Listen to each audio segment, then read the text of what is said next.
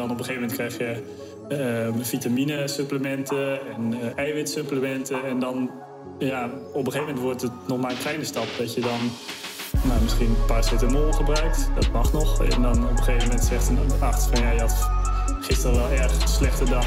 Misschien geef je even een spuitje van dit of dat.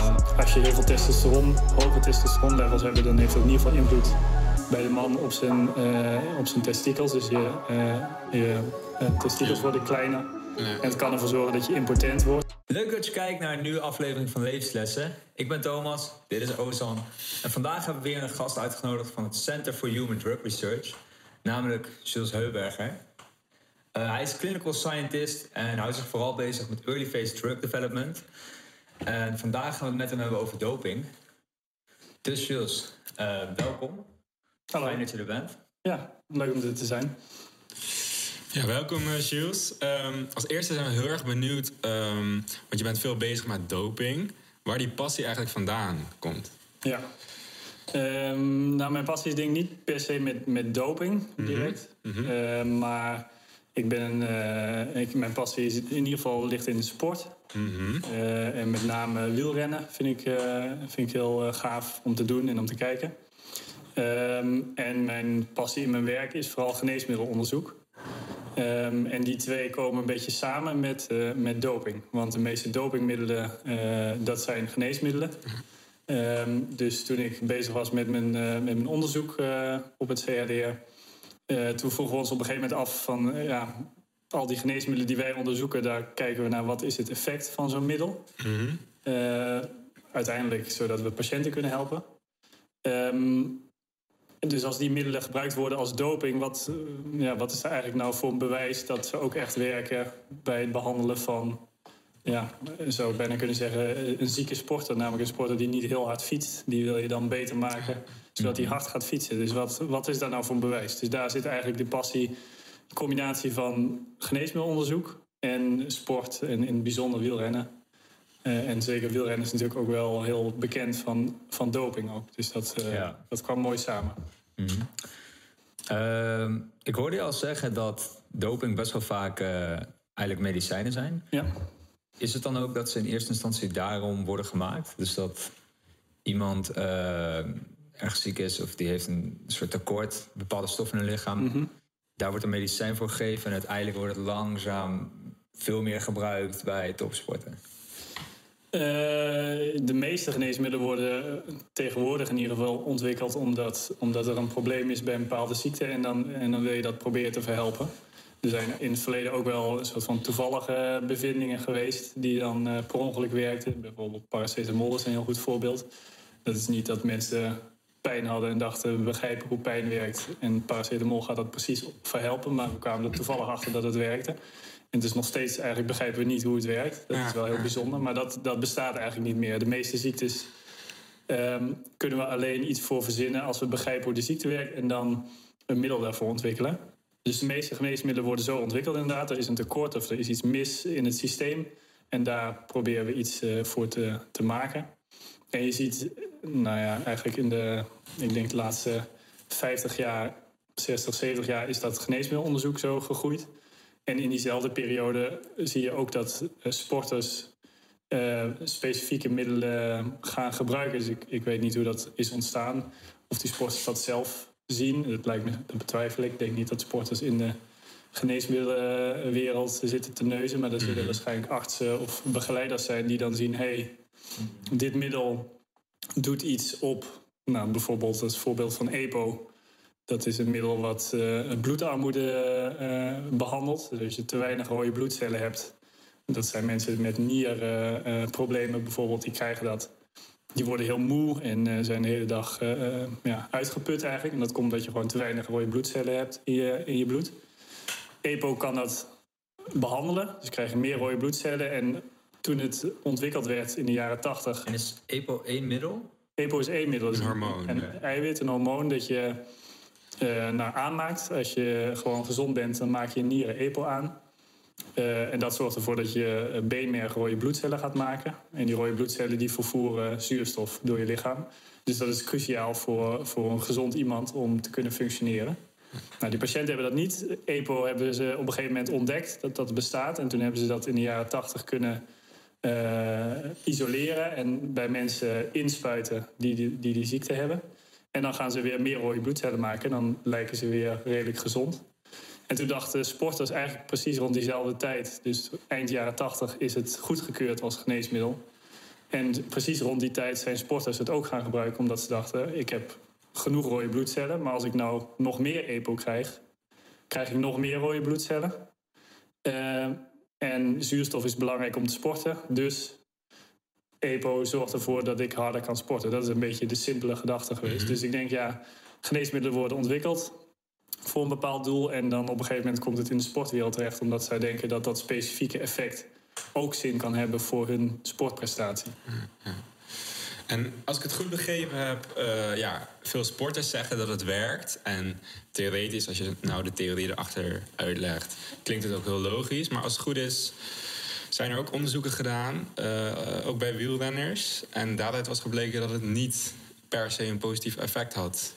EPO bedoel je? Ja, EPO inderdaad. Ja. Nou ja, de, dus de, de gedachte die wij hadden, en dat geldt voor EPO, maar geldt eigenlijk voor al die dopingmiddelen. Dus mhm. die zijn ontwikkeld als geneesmiddel voor een bepaalde ziekte. En als wij een geneesmiddel willen, uh, willen onderzoeken, willen aantonen dat het werkt, dan heb je daar hele grote studies voor nodig die heel specifiek kijken: is er nou een verschil als je de patiënt dit middel geeft ten opzichte van een nepmiddel, dus placebo. Ja. En dat moet dan uh, duidelijk een verschil zijn om te kunnen zeggen: dit middel vinden we goed genoeg om te gaan geven aan mensen. Want als het niks doet, uh, positief, uh, maar het heeft misschien wel bijwerkingen, dan wil je dat helemaal niet aan mensen gaan geven. Dus daar zijn hele strenge regels voor. Mm En voor doping geldt het natuurlijk niet. er is niemand op de wereld die nu onderzoekt: werkt dit middel om harder te fietsen? Zodat we het aan wielrenners kunnen geven. Want we vinden met z'n allen dat doping niet, niet oké is. Dat is niet fair. Um, dus uh, je dat zelf ook eigenlijk? Uh, ja, ik, ik, daar valt over te discussiëren. Ik denk, dat het, ik denk dat het goed is dat we regels opstellen uh, voor sport. Uh, en in het bijzonder met geneesmiddelen je sportprestatie te proberen te verbeteren. Dat, dat hoort niet meer bij wat we sport vinden denk ik. Uh, je, wil, je wil naar sport kijken omdat het uh, een, een superprestatie van iemand als individu is. En daar hoort van alles bij. Je moet heel hard trainen, je moet goed eten, goed slapen. Uh, maar ik denk jezelf met dingen inspuiten of slikken. dat, dat voelt voor mij in ieder geval veel te gemakkelijk. Stel dat het werkt, hè, want dat, dat is nog een andere vraag. Maar stel dat het zou werken, dan, dan is het wel heel makkelijk om dat effect te hebben. Terwijl andere mensen jarenlang moeten trainen om de beste te zijn. Maar je moet alsnog hard trainen. Dat ook, dat is waar. Maar het is wel, ik, ik vind dat wel te ver gaan. Dat je met, met middelen die uh, van buiten je lichaam komen en bedoeld zijn als geneesmiddel om je daarmee je sportprestatie te verbeteren. Juist. Ja. Oké. En denk je dat het nu veel gebruikt wordt? Gewoon als je bijvoorbeeld voetbal kijkt op tv of... Uh, ja, ik vind het moeilijk. Ik heb... Dat vinden we nu normaal, zeg maar. Ja, uh, ja ik durf, dat, ik durf dat niet meer te zeggen. Of het, wordt of het veel of niet, niet wordt gebruikt. Uh, dus wat ik al zei, mijn, uh, mijn passie is wielrennen. En ik heb in de jaren negentig wielrennen heel veel gekeken. En ik was daar mhm. helemaal gek op. En dat is, na de jaren negentig is nu achteraf gezien is eigenlijk het meest uh, doping ge, geïnfecteerde wielerperiode geweest ooit. In ieder geval voor zover we nu weten. Die hele... En wat, wat, wat, voor doping werd toen veel? EPO? EPO, ja. Nou, wat we nu weten is dat in de, in de jaren 90 was EPO dus net in, op de markt als geneesmiddel. En we weten nu dat veel van die wielerploegen EPO gebruikten. En in de jaren uh, vanaf 98 of 99 dan, uh, dan komt Armstrong, uh, Lance Armstrong uh, om de hoek kijken. Die, uh, die wint opeens zeven Tour de France achter elkaar. En inmiddels is bekend dat hij in al die Tour de France EPO heeft gebruikt, maar ook uh, um, steroïden en andere, andere geneesmiddelen, goede hormonen om. Goede hormonen beter... zelfs. Ja, ja van alles. Ja. ik heb daarbij begrepen dat echt je hormonen ook groter worden. En nou, groeihormoon is net als EPO is weer een, een, een, een eiwit wat je, wat je lichaam ook zelf maakt. Mm -hmm. uh, dus daar is, daar is een doel van, van zo'n spul. Dat, dat zorgt ervoor dat je ehm, dat bijvoorbeeld bij schade dat dingen hersteld worden. Ehm, maar ja, wat het doet als je gezond bent of een topsporter bent en je gaat dan groeihormoon inspuiten, daar hebben we eigenlijk helemaal geen idee van. Dus dat is. Ja, het is eigenlijk veel te, eh, wat mij betreft, veel te simplistisch gedacht dat zo'n eh, zo'n wielrenner, of eigenlijk zo'n wielrenner kun je dat misschien niet kwalijk nemen, want die wil gewoon eh, winnen. Maar zo'n arts die daar, die daar omheen hangt, die zou adviseren om zoiets te nemen, dat vind ik echt schandalig. Zo'n, zo iemand die zou kennis moeten hebben van het lichaam, van geneeskunde. En als je dan eh, mensen gaat adviseren of gaat inspuiten met dit soort middelen waar geen enkel bewijs voor is dat dat eh, zin heeft, dat je daar beter van gaat sporten. Sterker nog, je weet dat het verboden is. En er is een enorme kans dat het, eh, dat het negatief werkt, of in ieder geval dat het niet doet wat je denkt dat het doet. Ja, dat, dat kan ik niet, kan ik niet bij dat, dat er zoveel artsen zijn geweest die dat hebben gedaan. Juist, ja. Ehm, dus ja, die, die hele periode van het wielrennen, daar werd het heel veel gebruikt. Dat je vraag was, hè, wordt het nu nog veel gebruikt? Toen zat ik ook te kijken dat ik dacht, ik kijk naar een eerlijke wedstrijd. En dat bleek tien jaar later niet zo te zijn. Ja, Eh, en eigenlijk al die dopingverhalen die komen, als mensen niet betrapt worden, komen ze vaak pas laat naar buiten. ja precies, ja. Dus ik weet niet of, eh, of de, de wedstrijden van gisteren, van de afgelopen week van de Champions League, of dat dan Ja, of dat eerlijk was, geen idee. Misschien is er wel weer iets nieuws. Dat lijkt mij ook een beetje. Toen ging er, ehm, toen ging er minder geld om dan er nu in omgaat. Eh, en toen hoorden we het dan tien jaar later. Nou, waarschijnlijk dat die testen nu ook wel beter zijn, lijkt mij. Ja, Ehm, dus ja, ik zelf, als ik bijvoorbeeld kijk naar Cristiano Ronaldo... of eh, een hele grote eh, vechter in het kooivechten bijvoorbeeld... ja, Er wordt- gaat zoveel geld in om. Het zijn zulke Ja. grote belangen. Ik, ik snap ook best dat je als sporter denkt van... Hey, ik, eh, ik doe dat. Ja, misschien is het op de lange termijn niet verstandig... maar dan win ik wel iets vaker eh, mijn wedstrijden of, ja. of echt prijzen. Ja, nou ja, het, het is op zich is het, is het inderdaad. Want het is niet zo makkelijk om te zeggen: oké, deze sporter krijgt de keuze: ik gebruik doping of niet. Eh, dat gaat vaak eh, heel langzaam glijden daar naartoe. Dat zie je ook in die verhalen van die wielrenners. Die trainen heel veel, dan ben je een talent, word je op een gegeven moment gescout. En dan in zo'n officiële professionele ploeg krijg je allemaal supplementen en eh, slaap en trainingsadviezen en hoe moet je ehm, eh, leven, zeg maar, als sporter. Wat moet Ja. je eten? Dus dan nou, ga je allemaal aan dat soort dingen houden. En dan ben je heel streng bezig met alles om het wielrennen heen, om een goede wiel- wielrenner te zijn. En dan op een gegeven moment krijg je ehm vitaminesupplementen en eh, eiwitsupplementen. En dan, ja, op een gegeven moment wordt het nog maar een kleine stap dat je dan nou, misschien paracetamol gebruikt. Dat mag nog. En dan op een gegeven moment zegt een arts van ja, je had gisteren wel erg slechte dag. Misschien geven we even een spuitje van dit of dat. Oh, dus dat, ze, het is natuurlijk niet, eh, het is niet een simpele keuze van, van ik ga dat doen, ja of nee. Al weet je natuurlijk zelf echt wel dat je fout zit dan. Maar zo'n zo'n sporter is natuurlijk met alles bezig om, de, om het het beste te doen. En als iemand dan tegen je zegt, dit werkt ook en de anderen gebruiken het ook... want dat is natuurlijk ook lastig, het is allemaal geheim. Dus je, je denkt van ja, die anderen doen het ook allemaal... dus dan moet ik het ook doen. Maar de fout zit in dat je, wat jij net ook zegt... ehm, ik, ik gebruik die doping, eh, want dan, ook al is er een risico... eh, op de korte termijn heb ik dan meer kans om te winnen. En het- Ja. dat, dat punt, dat klopt niet. Want daarmee ga je ervan uit dat het dus een positief effect heeft. Mhm. En dat eh, is wat wij hebben onderzocht. hè. Ehm, is daar nou eigenlijk bewijs voor dat dat zo is? Eh, en dan blijkt dat dat eigenlijk voor heel veel middelen er niet is. Er is geen bewijs dat dat werkt, dat positief werkt. Sterker nog, eh, als je eh, bedenkt wat voor middelen die, die mensen inspuiten of innemen, dat zijn allemaal middelen die zitten zo diep in ons eh, lichaam verworven in allerlei systemen, dat je je bijna niet kan voorstellen dat het niet ook negatieve effecten heeft. En zo'n sporter die traint elke dag om zijn lichaam te optimaliseren voor een prestatie. En het is misschien ook wel een beetje naïef om dan te denken dat een simpel geneesmiddel, wat gewoon een molecuul is, die weet echt niet als ik het inspuit van deze, deze meneer wil een topwielrenner worden. Die gaat gewoon, het molecuul gaat gewoon doen wat het altijd doet. Mhm.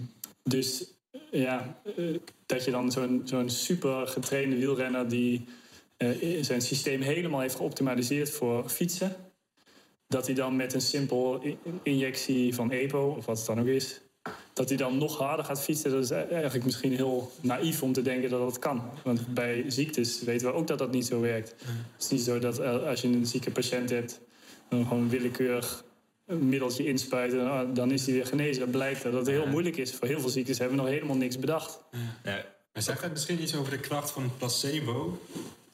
Eh, kan ik me Ja, ook dat zou kunnen. ja? Ja, nou dat zou kunnen. Kijk, uiteindelijk, de enige manier om erachter te komen is als je dat in een, in een goede studie zou doen met een controlegroep. Dus je hebt een groep die krijgt het middel en je hebt een groep die krijgt placebo. Dan kun je zeggen, en ze weten zelf niet wat ze krijgen, dan kun je zeggen: dit is het effect van het middel. Maar als je natuurlijk bij alle wielrenners in het geheim eh EPO gaat gebruiken, ja, dan gaan ze zelf gaan ze bedenken en de, en de artsen en de, en de ploeg die gaan bedenken. Eh, het, het werkt, want kijk, ik spoot je dat in en de volgende wedstrijd won je opeens. Ja. Terwijl als hij geen EPO had gehad, had hij misschien ook gewonnen. Dat weet je niet. Ja, En dus wat je ook heel veel ziet bij de redenering van die, van die topsporters... is dan, eh, in, in, vooral in het wielrennen is het naar boven gekomen... dat daar heel veel bekentenissen zijn geweest. Dus je, er zijn een aantal boeken geschreven door eh, bijvoorbeeld teamgenoten van Lance Armstrong. Een heel bekend boek is van Tyler Hamilton. En die zegt dan... ehm, ik reed een wedstrijd en, en er was een deel van de ploeg die kreeg... eh, eh, eh, voor elke wedstrijd kreeg hij een, een soort zakje met spulletjes. En we wisten allemaal eigenlijk wel dat dat doping was, maar daar werd niet over gepraat. Ja. Ehm, en ik zat daar niet bij, want ik hoorde niet bij de, bij de top van het team. Uh-huh. En ik zag hen altijd winnen. En de dag dat ik dat zakje ook kreeg, toen voelde ik me helemaal geweldig. Want ik hoorde erbij. Ik hoorde bij die toprenners. En die dag reed ik ook geweldig. Maar ja, is, was dat dan door die doping? Ja. Het zou een placebo-effect Dat kan. zijn natuurlijk. Het kan ook, maar het kan ook gewoon zijn dat je soms heb je een goede dag. Als je zelf sport, dan weet je dat ook. Soms dan gaat het lekker en soms niet. Ja. Ja. Dus om dan te, voor, mensen zijn heel slecht in het, eh, het vinden van een oorzaak en een gevolg. Dus als ik het goed doe, nu als ik gewoon eh, zelf fiets ik veel, als ik eh, ga fietsen en ik heb een goede dag, dan denk ik ja, ik had een goede dag. Geen idee waar aan het lag. En een andere keer heb ik een slechte dag, dan weet ik ook niet waar aan het ligt. Maar als ik nou weet dat ik EPO gebruik of iets anders, Ja. heb ik een goede dag, denk ik ja, dat kwam door de EPO. En heb ik een slechte dag, dan denk ik ja, dat was iets anders. Ja, dat is ook wel logisch. De- Ja, zo werkt gewoon het menselijk brein. Maar dat, eh, dat maakt wel het heel moeilijk om erachter te komen of iets nou echt werkt. En eigenlijk de enige manier waarvan we weten hoe we dat kunnen achterhalen... is door een eh, onderzoek te doen waarbij je eh, een deel van de deelnemers het middel geeft... een ander deel placebo, zonder dat zij weten wat ze krijgen. En ook de onderzoeker weet dat niet.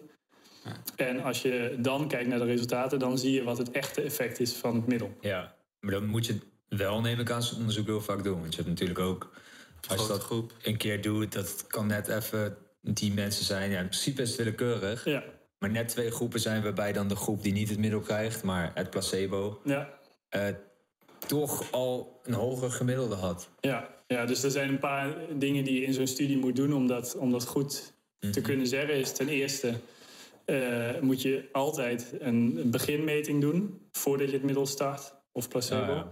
Want dan kun je zien, oké, deze groepen eh, waren ongeveer gelijk van tevoren. Eh, en dan tijdens de studie doe je nog een aantal tests. En dan kun je zien, gaan die groepen verschillen. Aan het begin waren ze gelijk en nu zijn ze verschillend. Dus dan, zal het, dan is de kans wel groot dat het door het middel komt. Maar dan nog steeds heb je gelijk, het kan toeval zijn dat net de ene groep... om wat voor reden ook, die je niet weet... dat hij het beter gaat doen of dat hij net al verschillend was. Maar dat, daar is dan de vraag, je moet zo groot mogelijke groep vinden... Eh, want als je het inderdaad met eh, vier mensen doet en twee krijgen EPO en twee placebo, dan kan je net hebben dat die twee die placebo krijgen, dat die een, een slechte dag hebben, bijvoorbeeld, op het moment dat het erom gaat.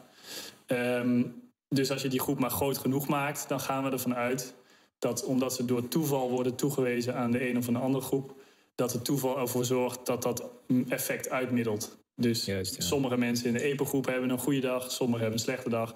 Sommige mensen in de placebo-groep hebben een, go- een goede dag en sommigen een slechte dag. En dan alles wat er dan overblijft, moet dan wel het echte effect van het geneesmiddel zijn. Juist. Ehm, en als je dan geen effect vindt, ja, dan is het dus ook niet een relevant effect. Want dan blijkbaar is het niet sterker dan het feit dat je een goede of een slechte dag hebt. Ja, maar het lijkt me wel dat dat zeg maar vaak moet worden onderzocht. Ik kan me niet voorstellen dat na één onderzoek of drie, waarin het niet wordt aangetoond, echt, echt aantoonbaar is. Het zou toch ook, soms hoor je wel eens dat uh, van een middel dan bij drie onderzoeken niks wordt aangetoond en bij vier wel. Ja, nou ja, dat kan, dat kan natuurlijk altijd.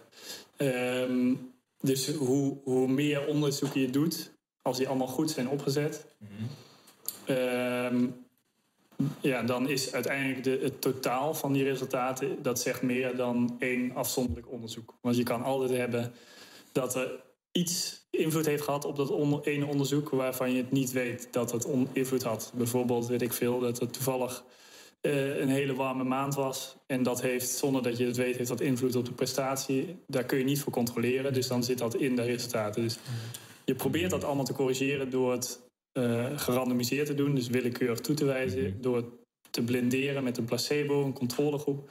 Maar het kan altijd dat er iets in uh, zit in de studie waardoor, je, waardoor het toch beïnvloed wordt. En het kan ook zijn dat je gewoon te weinig mensen had in je studie om een effect aan te tonen. Ja. Maar uiteindelijk is in principe is één studie die goed is opgezet, die, uh, dat is dan op dat moment is dat de beste, uh, beste schatting van wat het effect is. Maar je hebt gelijk, als je dan tien onderzoeken doet en de eerste laat zien het, doet niks en die andere negen laten zien het doet wel wat, dan is het waarschijnlijk dat die eerste om wat voor reden ook, waarschijnlijk gewoon toeval, het niet uh, liet zien. Maar um, ja, en dat is eigenlijk wat, wat, het probleem waar we, waar we tegenaan liepen, dat we zagen, er zijn helemaal geen onderzoeken gedaan naar het mhm. effect van middelen op sportprestatie. In ieder geval niet bij goed getrainde mensen. Dus je kan helemaal niks zeggen eigenlijk over of het werkt of niet. Juist. Ja, ik, ik, ik, uh, ik moet zeggen, ik vind het nog wel een beetje lastig te geloven. Omdat ik zie wel eens, uh, bijvoorbeeld, ik volg zelf best wel veel vechtsport. Ja. Ik zie dan uh, af en toe een vechter, ze hebben nu USADA, is daar helemaal groot in opgekomen. Ja. En sinds USADA zie je gewoon die vechters waar ik eerst echt, nou, die zagen er heel gespierd uit, echt heel breed. Ook op uh, 260 pounds, dus echt 115 kilo ongeveer. Ja. En als je ze nu ziet, daarna, ze zijn gewoon veel minder, zien veel minder gespierd uit. En vaak zijn ze ook wat slomer, wat sneller moe. Ja. En ik denk van ja, dat, misschien is dan niet in onderzoekssetting gebeurd, maar het lijkt, dat, dat moet effect hebben. Ja, toevallig van, van anabole steroïden weten we dat het effect heeft. Dus okay. uh, sowieso um, heeft het effect op de, op de spieromvang. Dus de, wat je zegt, dat ze lijken uh, minder gespierd. Ik heb geen idee of daar eh, veel gebruikt werd of wordt. Uh, daar kunnen we het ook nog over hebben. Maar, uh, dus, dus het zou kunnen dat als ze het eerst gebruikten en nu niet meer, dat ze minder gespierd ogen. Want het heeft in ieder geval invloed op de spieromvang. Dus ook weer, die middelen zijn ook weer afgeleid van een lichaams-eigen stof, namelijk testosteron. Dus dat geeft gewoon spieropbouw, dat, dat is bekend. En het is van anabole steroïden ook bekend. Dat is een van de weinige groepen middelen waarvan bewijs is. Dus als je dat in hoge doseringen geeft... Ehm, en zeker als je daarbij ook nog krachttraining doet... dat het een positief effect heeft op de spierkracht. Ja. Uh, dus bij krachtsporten, ik weet niet of bij kickboksen of vechtsporten, daar zal, zal het wel een positief effect hebben. Maar nog simpeler is misschien uh, gewicht heffen. Ja. Nou, het enige wat je bij gewichtheffen, nou niet het enige, maar het, bijna het enige wat je moet doen bij gewichtheffen is kracht leveren. Er zit ook een beetje techniek natuurlijk nog bij. Mhm. Maar we, daarvan kun je wel aannemen dat die kracht wordt verbeterd door anabolen. En dus dat je het waarschijnlijk beter zal doen als je dat gebruikt. Bij vechtsport wordt het natuurlijk al wel weer wat ingewikkelder, want dat kracht is belangrijk. Maar als je snelheid of, of je uithoudingsvermogen niet goed is, dan ga je ook niet winnen. Dus daarvan kunnen we nog steeds zeggen, het heeft waarschijnlijk effect op de kracht. maar het nog steeds is wel maar de vraag of je nou, als je anabolen gebruikt, of je dan heel veel uh, kickboxwedstrijden gaat winnen. Want ja, er, speelt nog veel meer mee. Maar je hebt gelijk, dus het is uh, voor, voor dat soort krachtsporten weten we dat er wel, uh, voor kracht specifiek weten we wel dat er een effect is. Maar van heel veel andere middelen hebben we geen idee. En wat zijn echt de nadelen van anabolen? Ja, van anabolen weten we ook, uh, dat weten we vooral uh, uit dit soort uh, settings waarbij zeg maar, recreanten in de sportschool dat veel gebruiken. Er is ook wel mhm. bekend dat het in Nederland heel veel in, sportscholen wordt gebruikt. en als je anabolen gebruikt, dat, wat ik net al zei, is een, een, een, een variant van testosteron. Als je heel veel testosteron, hoge testosteronlevels hebt, dan heeft dat in ieder geval invloed bij de man op zijn, eh, op zijn testikels. Dus je, eh, je eh, testikels Ja. worden kleiner. Ja. En het kan ervoor zorgen dat je impotent wordt. Oké. Ehm, Ja. Dus het is, het is echt niet zonder risico's. Ehm, en, maar het lastige is ook dat we het moeilijk kon- kunnen onderzoeken. Omdat we, die mensen gebruiken dat natuurlijk allemaal stiekem. Ja. Dus eh, het, wat, wat, wat, we, wat we weten is dat er, dat er artsen zijn die krijgen dit soort eh, jongens in hun, in hun eh, onderzoekspolie. Die zeggen, ja, ik heb last van dit, dat en dat. Ah, en dan zeggen ze, vervolgens vragen ze wat door. En dan zeggen ze, ja, ik gebruik inderdaad anabolen. En dat is vaak Juist. dan ergens van internet gekocht. Dus je hebt ook geen idee Wat daarin zit. Het komt uit China of zo, weet ik veel. Ja. Ja, nee, het is heel heftig. Eh, en, en, en dat begint weer bij het feit dat die mensen, dat iemand denkt van ik, eh, ik ga dat kopen omdat het heeft een positief effect. Ja. Nou, in dit geval weten we ook dat dat zo is, maar dan vergeet je wel dat het gewoon een middel is wat echt iets doet in je lichaam. En wat dus ook allemaal nadelige effecten kan hebben. Zeker als je eh, zonder begeleiding doet. Ja, zo iemand in de Ik sportschool. denk dat heel veel jongens geen dat, idee. dat niet doen inderdaad. Nee, dus dan je dosis is misschien veel te hoog. Of ja, sowieso als je dit lang gebruikt, is het gewoon echt nadelig. Voor, voor je hart. eh, Voor je hart is het ook eh, gevaarlijk. Ehm, ja, dus nogmaals, we weten het niet zo goed. Ja, want- oké, maar we, zien wel dat er allemaal bijwerkingen gerapporteerd worden door de jongens. Eh, dus er worden wel onderzoeken gedaan. Eh, maar ook dat is weer lastig, want als je een onderzoek zou willen opzetten, dan wil je eigenlijk kijken de doseringen die zij gebruiken. Wat voor effect hebben die, positief en negatief. Mhm. Maar de doseringen die ze gebruiken, die zijn zo hoog ja. dat, dat, dat we van tevoren al weten dat is eigenlijk eh, een risico. Ja, we ja. weten gewoon dat dat effect gaat hebben op je, eh, op je voortplantingsorganen. Hm. Dus als je dat in Zo. onderzoek zou willen doen, is het niet ethisch om die doseringen te gebruiken. Want dan, net zeggen. ja. dan zeg je tegen iemand, wil je meedoen aan het onderzoek? Dat is heel belangrijk, want we willen begrijpen wat de effecten zijn van anabolen. Maar als je meedoet is, en je krijgt het middel, dan is wel een hele grote kans dat je impotent wordt. Ja, je hebt, dat geen, kan je, hebt, je natuurlijk hebt niet. kans om geen kinderen meer te krijgen. Ja, dat kan natuurlijk niet. Dus, eh, dus daar zit een beetje, voor dit soort studies naar de nadelige effecten zit daar een beetje een probleem. Ehm, dus wat ze dan proberen is eh, jonge, jongens die dat toch al willen gaan doen, eh, te includeren in zo'n studie. Maar daar zitten ook weer allemaal moeilijkheden bij. Want als zo iemand dat wil gebruiken, dan kun je natuurlijk niet zeggen: ah, je mag meedoen aan deze studie. Ehm, dan krijg je van mij de anabolen gratis. Dus dat zou nog een reden kunnen zijn dat ze zeggen: ik ga dat doen. Ah, maar je wil ja. die studie natuurlijk placebo gecontroleerd hebben. Want anders weet je nog steeds niet wat het effect is. Ja, Dus dan moet je tegen zo iemand zeggen: je mag meedoen, maar de kans is 50% dat je, ja, ja. ja. dat je niks krijgt. Worden die studies gedaan? Ook bij het Center for Human Drug Research? Nee, niet bij ons. Ik weet dat er een, er is een anabolenpolie in, eh, in eh, volgens mij in de buurt van Amsterdam in een ziekenhuis. Dus dat, dat is een polie die is opgezet door artsen die herkennen dat er, eh het bestaat al wel wat langer, die herkennen dat heel veel jonge mannen in de sportschool anabolen gebruiken. En die hebben dus gezegd, ja, het mag niet. Het is ongezond, maar het gebeurt wel. Dus dan willen we toch iets bieden eh, voor, die, voor die mensen. Dus die kunnen daar naartoe gaan om advies te krijgen. Ja, Het advies zal in principe altijd zijn: doe het niet. Maar goed, ja, dat, dat, gaat, eh, dat gaat bij sommigen toch niet helpen. Ja, Dus dan liever dat je in ieder geval een arts hebt die toezicht houdt. ja, zeker. Maar zeker. dat, dat is er nu wel dus. Je kan wel, net als dat je bijvoorbeeld naar een festival met een pilletje kan je dan checken. Dat, dat heb je een beetje met anabolen dus. Eh, ik, weet niet of ze de, ik weet niet of ze de inhoud van, van, jou, van jouw anabolen gaan checken. Uh-huh. Dat zou eigenlijk wel beter zijn, denk ik.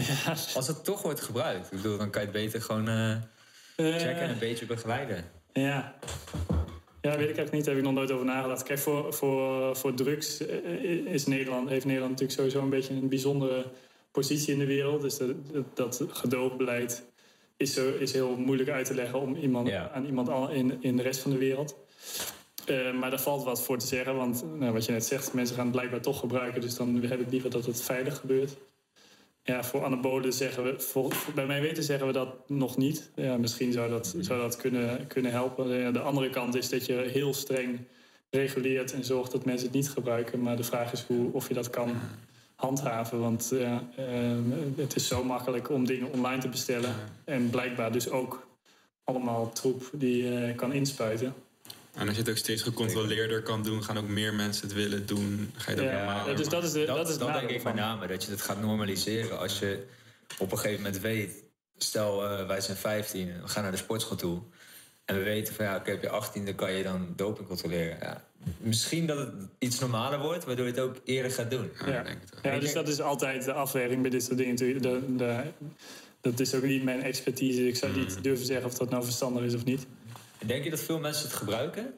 In de sportschool? Ja, durf je een percentage te noemen? Nee, oh nee, heb ik, percentage heb ik geen idee. Maar, maar er worden dus wel, eh, dat is ook wel grappig, eh, er worden bij eh rioleringsinstallaties worden soms samples afgenomen. Om te kijken wat daarin zit. En dan zie je bij de afwatering van eh, specifieke sportscholen... zie je dat de concentraties van anabolen extreem hoog zijn. Dus op basis daarvan zou je kunnen zeggen... dit zijn sportscholen waar het veel gebruikt Het is wordt. gewoon één iemand die heel veel gebruikt. Dat kan ook. Die daar misschien vaak komt, vaak DC gebruikt. ja. Oké, oké. Wauw. Eh, ja, ik was ook, eh, ook nog wel benieuwd. Eh, je zei dat er verschillende soorten doping waren waarvan het effect wel echt bewezen was. Eén Eén ervan was anabolen. En wat zijn dan nog die andere soorten? Ehm, ja, dus de, wat wij hebben gedaan is gekeken naar ehm, alle gepubliceerde wetenschappelijke literatuur over doping en het effect van doping. En gekeken welke informatie is daar en op basis van welke informatie zouden we kunnen zeggen, zoals we bij geneesmiddelen zeggen, dit werkt echt voor deze en deze ziekte of dit heeft echt dit en dit effect.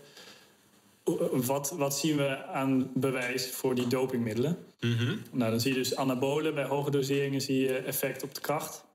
Ehm, eh, Beta-agonisten, dat zijn eh, beta-2-agonisten, dat zijn ehm, eh, anti-astmatica. Dus je hebt, misschien ken je dat wel, dat puffertje wat mensen vaak gebruiken. Oh, ja. Het is salbutamol heet dat vaak. Ehm, en- maar je kan het ook slikken.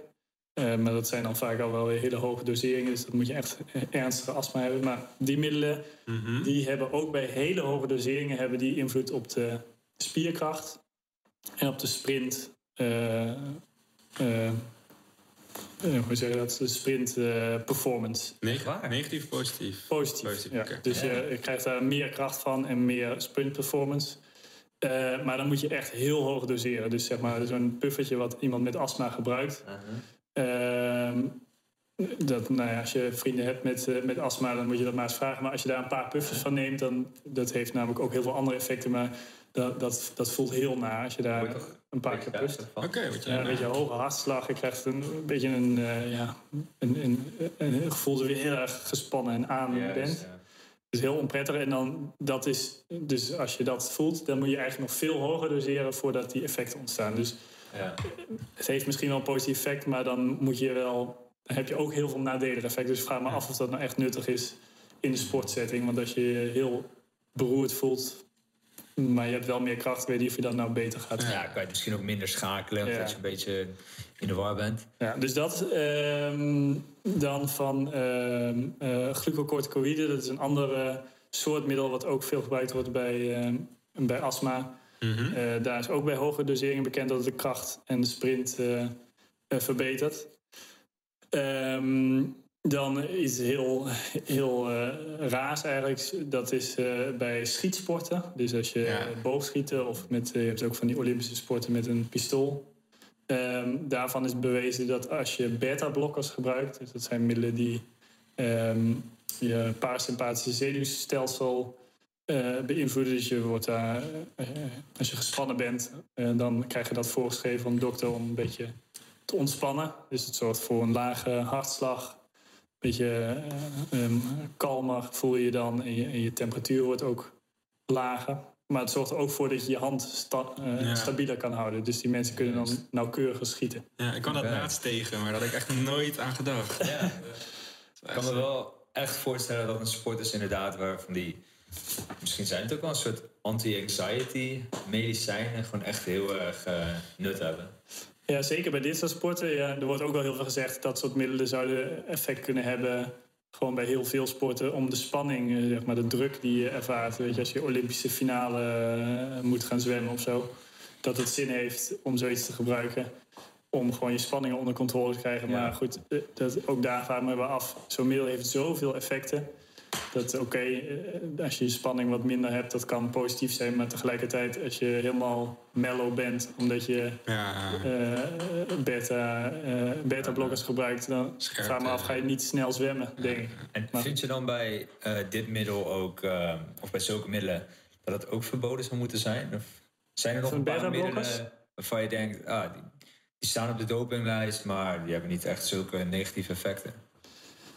Eh, nou ja, zo- zo'n beta-blokker. Ik denk, al die, al die geneesmiddelen, als je niet ziek bent, dan moet je dat gewoon niet nemen. Er is geen reden om dat te nemen. Dus dat, dan is het denk ik, eh, als je dat dan toch gebruikt, dan is dat omdat je probeert vals te spelen. Omdat je probeert een voordeel te krijgen boven iemand anders die het niet gebruikt. Dus dat lijkt me niet. eh, dat lijkt, nou, zoals we het nu vinden dat sport eh, hoort, dan vinden we dat niet eerlijk. Ja, ja. Dus je, je trekt daar wel echt sterk de grens, zeg maar. Want Ja, niet alleen voor de sport, maar ook gewoon voor een voorbeeld voor, voor, voor mensen, voor je gezondheid. En het is ook het is heel raar om te denken dat als je zo'n middel gebruikt, dat je alleen maar de voordelen hebt van zo'n middel. Er zitten gewoon nadelen aan. Dus als je, eh, als je dan mensen eh, ja, stimuleert dat ze dat mogen gebruiken, ja, dan ga je dus ook bijwerkingen accepteren dan. En dat vinden we voor heel veel andere dingen vinden we dat niet oké. Eh, voor geneesmiddelen vinden we dat niet oké. Als, dat niet, als het meer bijwerking geeft dan positieve effecten, dan zeggen we dat dat is niet, dat is niet een middel dat we willen geven aan patiënten. En dan voor doping zouden we dat niet zeggen. Dat, dat vraag ik me af. Ja. Zo- Zo'n beta-blokker trouwens, die is dus niet verboden voor alle sporten, maar die is alleen verboden voor sporters waar je precisie nodig hebt. Dus schietsporten bijvoorbeeld. juist. Dus je hebt op de dopinglijst dingen staan die zijn altijd verboden. Je hebt dingen staan die zijn alleen verboden in competitie. Tijdens een wedstrijd. En je hebt middelen die zijn verboden bij specifieke sporten. En dat, dat zijn er maar weinig, maar dit, dit is er eentje. Dat is er één van. Ja. En ehm, voor de aflevering hadden we het even over... eh, want kijk, dit zijn sporten, dit zijn spelletjes. En dan snap ik het nog wel van dat het niet eerlijk is als je doping gebruikt. Maar bijvoorbeeld Ja. in het leger, Ja, eh, je leven hangt er vanaf. Ja. Eh, bijvoorbeeld, ja... Je bent net wat sterker, net wat Je bent- sneller. je kan misschien eerder... Het kan een voordeel zijn over de vijand. ja. Ja, dat, dat is ook. wordt gebruikt. Eh, Nou ja, ik weet in ieder geval zeker dat het gebruikt is. In de Eerste en Tweede Wereldoorlog is dat heel veel gedaan. Dus daar werden, werden allerlei, eh, nou ja, bijvoorbeeld in de loopgraven, werden allerlei middelen gebruikt om die jongens op te peppen en om ze, om ze kracht te geven. Ehm, goed, n- ja, nogmaals, ik denk het beginpunt moet zijn dat je eerst moet weten dat het, dat het werkt. Dus als, eh, ja, het heeft geen zin om het te geven omdat we denken dat het werkt. Of omdat iemand zegt dat hij dat voelt dat het werkt. Want dat is niet hoe we vinden dat we moeten aantonen dat iets een effect heeft. Dus als, we, als, we, als ons doel is, we willen ons leger sterker maken. eh, dan, dan moet je een onderzoek doen om te kijken of dit middel, waarvan je denkt dat dat dat doet, dat het inderdaad eh, het sterker maakt of sneller maakt of wat dan ook. En als het dan zo is en de bijwerkingen zijn, zijn er niet of zijn maar heel klein, dan zou je dat kunnen gebruiken. Ja. En het, ik weet, eh, het kan mij niet anders dat dat soort dingen gedaan worden. En in ieder geval zeker gedaan zijn. Dat is inmiddels wel Ja. bekend. Ehm, Lijkt Dus- me ook als het in die tijd gebeurt, in de Eerste en Tweede Wereldoorlog. Ja, nu zijn ze zoveel verder. Zullen ze ook wel zoveel betere middelen hebben, lijkt me.